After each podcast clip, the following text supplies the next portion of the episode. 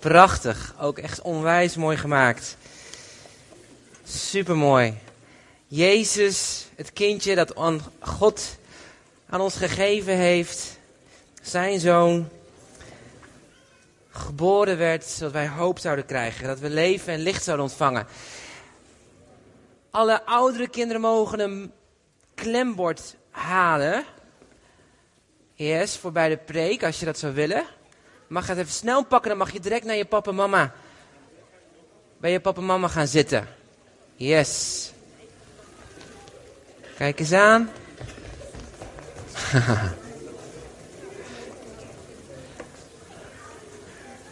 dus even zo'n wisselmomentje.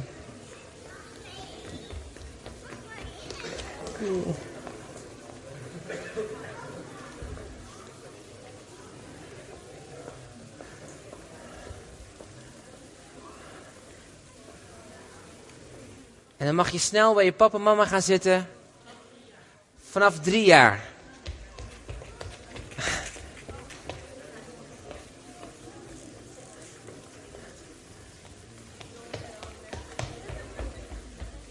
Yes.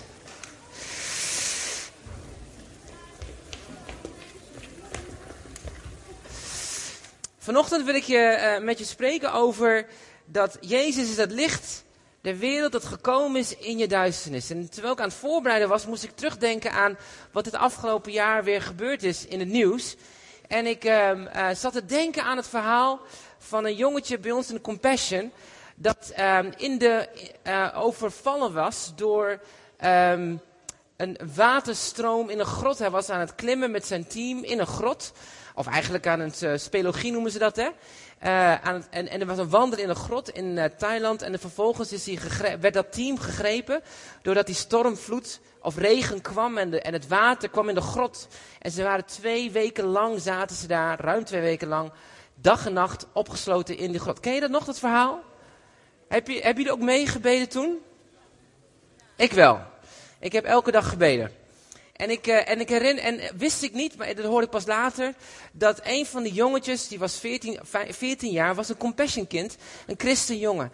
En ik las ik in een blog over zijn leven. En hij vertelde dat het moment dat hij dat licht zag komen onder water, want het was natuurlijk donker, zag hij twee lampjes van de duikers onder water naar boven komen. En hij zei van hij wist op dat moment dat er zoveel leven in hem naar voren kwam, want ze zagen de hele tijd niks. En het leven wat kwam in hem om toch te overleven, om toch te vechten. Die twee duikers. Moet je voorstellen dat je twee weken lang in een grot opgesloten zit, midden in de duisternis. En in één keer zie je twee lampjes tevoorschijn komen. Bijzonder is dat. Ik moest gelijk denken aan een ander verhaal wat ik ooit een keer gelezen heb in de gemeente. Maar ik wil hem toch een keer lezen, want het spreekt ook over duisternis. En ik ga beginnen uh, over een verhaal wat in Armenië is gebeurd in 1989. En het gaat als volgt. De aardbeving die in Armenië in 1989 trof, had niet meer dan vier minuten nodig om een heel land plat te leggen en 30.000 mensen te doden.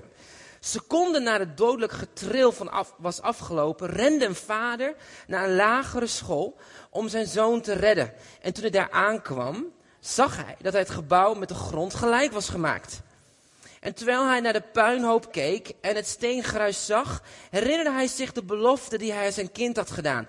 Wat er ook gebeurt, ik zal er altijd voor je zijn.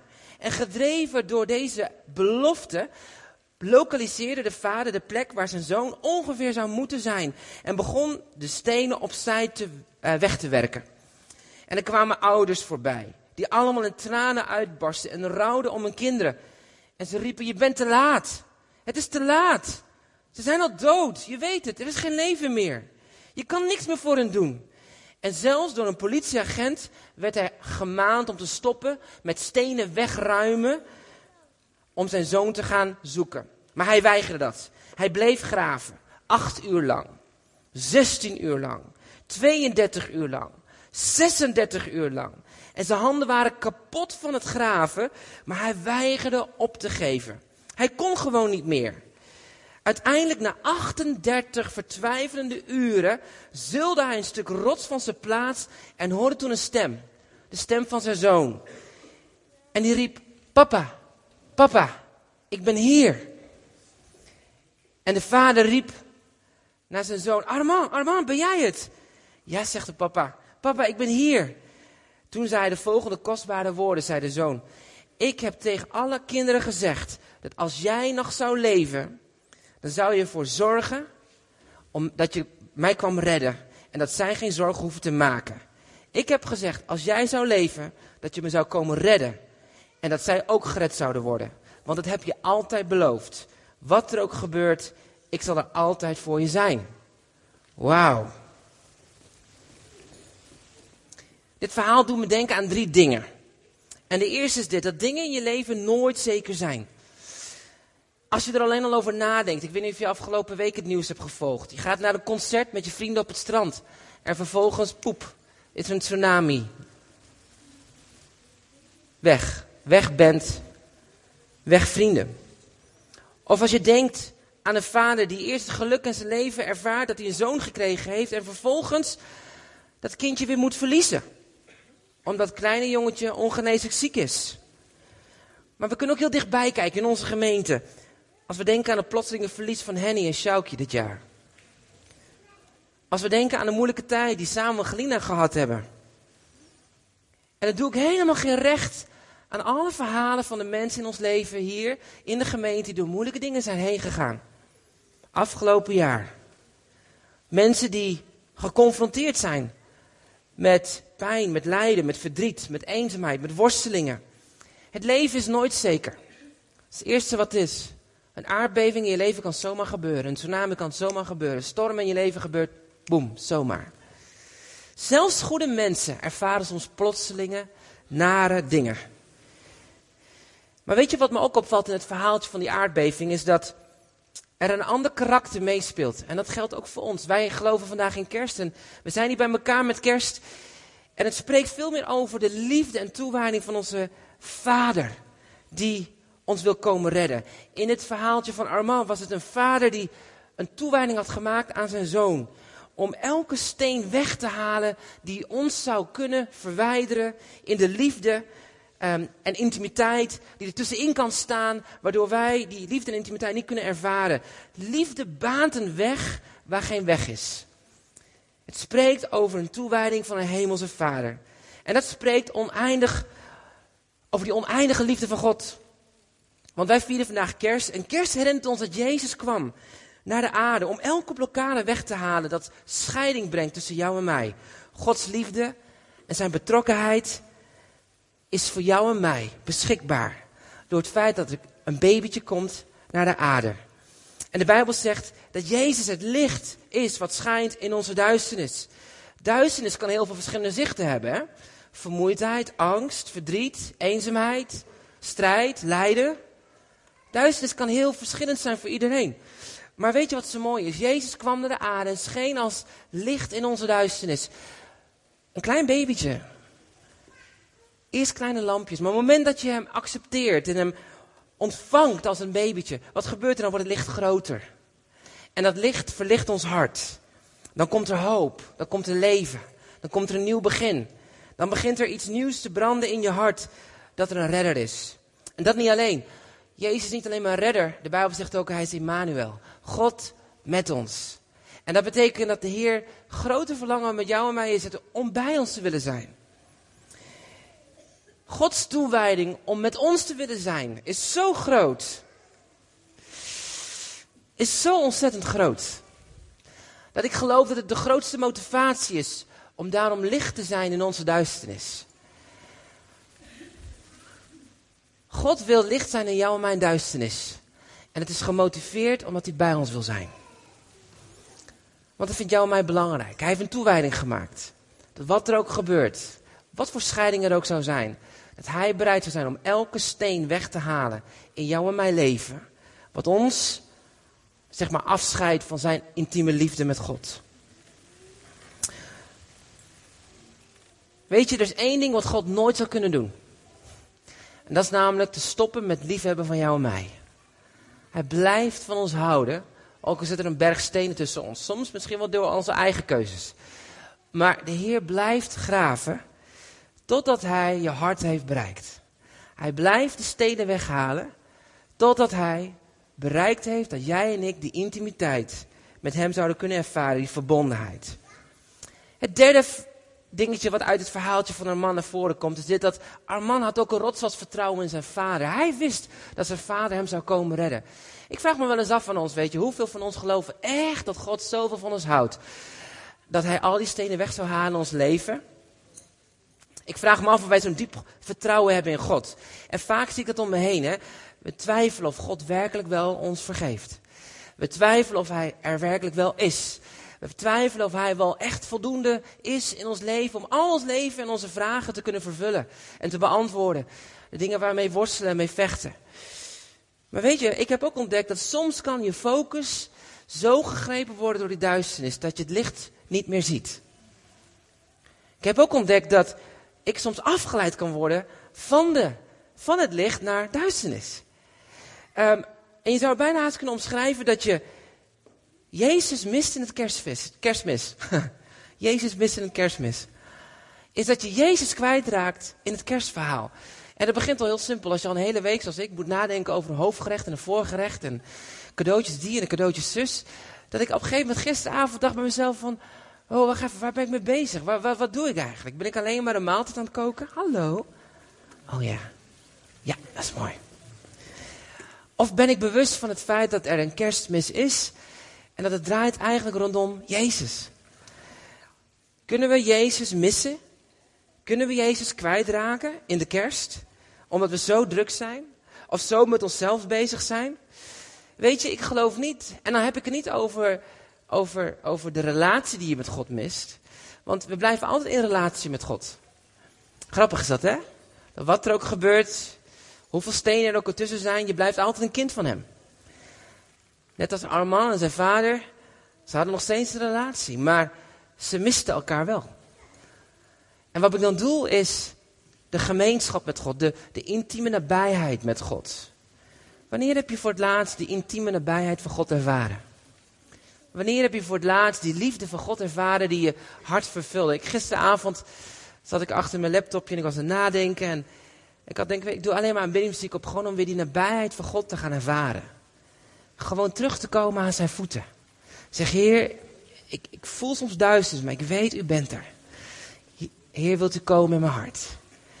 Ik weet dat ik uw kind ben, maar soms zitten er veel dingen tussen. Heer, wilt u me helpen om uw nabijheid te gaan ervaren? Weet je wat zo mooi is? Als we gaan geloven dat God er, Gods verlangen is om met ons te willen zijn, dan wat gebeurt, weet je dan gebeurt? Dan gebeurt er iets heel bijzonders. Dan begint licht te geboren worden in je hart. Dan zie je in één keer licht komen, daar waar duisternis is. Dan wordt liefde geboren in je hart. En net als Armand, dan ga je ook tegen de mensen om je heen zeggen: Kom maar bij mij. Kom maar bij mij. Want ik weet, mijn vader kwam om mij te redden. En als je bij mij in mijn buurt blijft, dan geloof ik ook dat hij jou komt redden. Weet je, sommige mensen vinden het lastig om te geloven. Dan moedig ik je aan om vandaag eens even rond te kijken met iemand tijdens een maaltijd straks eens te gaan praten. Want hier zitten mensen die allemaal ervaren hebben, in meer of mindere mate, dat er een hemelse vader is die zoveel van hen houdt. Die licht is geworden in hun duisternis. En die gekomen is om alle scheiding weg te halen. Zodat jij en ik in relatie met hem zouden kunnen zijn. Mijn vraag vanochtend is, is licht geboren in jouw hart? Ervaar je nog die intieme liefde met Jezus? Voel je zijn nabijheid nog? Of misschien moet je weer resetten vanochtend. En zeggen, ja, ik ben zo druk, net als al die mensen die bezig zijn aan het rennen heen en weer. En ik vergeet het eigenlijk, het gaat om iets heel simpels. Iets heel kleins, namelijk een babytje te ontvangen. Jezus. Misschien ben je zo druk bezig met je carrière. Ben je druk bezig met je relatie, met je huwelijk of whatever. Dat je eigenlijk het eenvoudigste mist. En dat is namelijk Jezus. Wat is kerst zonder Jezus? Gemis. Cadeautjes, leuk. Een boom, lekker eten, mooi. Maar als we de fellowship, de nabijheid, de liefde, de geborgenheid, de intimiteit met Jezus missen, dan denk ik dat we eigenlijk voorbij gaan aan wat God gedaan zou hebben. En namelijk dat Hij in onze duisternis is gekomen om ons te brengen in een intieme verbondenheid met Hem. Amen. Zullen we onze ogen sluiten?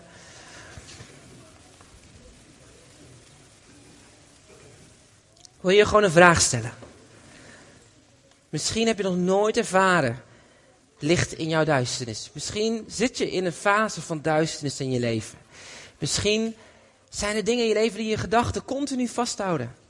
Dingen waar je over twijfelt, angst, onzekerheid. Als jij hier bent vanochtend en zegt, ja, ik wil licht ervaren in mijn duisternis.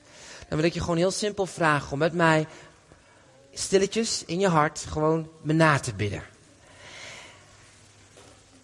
Hemelse Vader, ik dank u wel dat uw verlangen om met mij te willen zijn groter is dan de duisternis in mijn leven.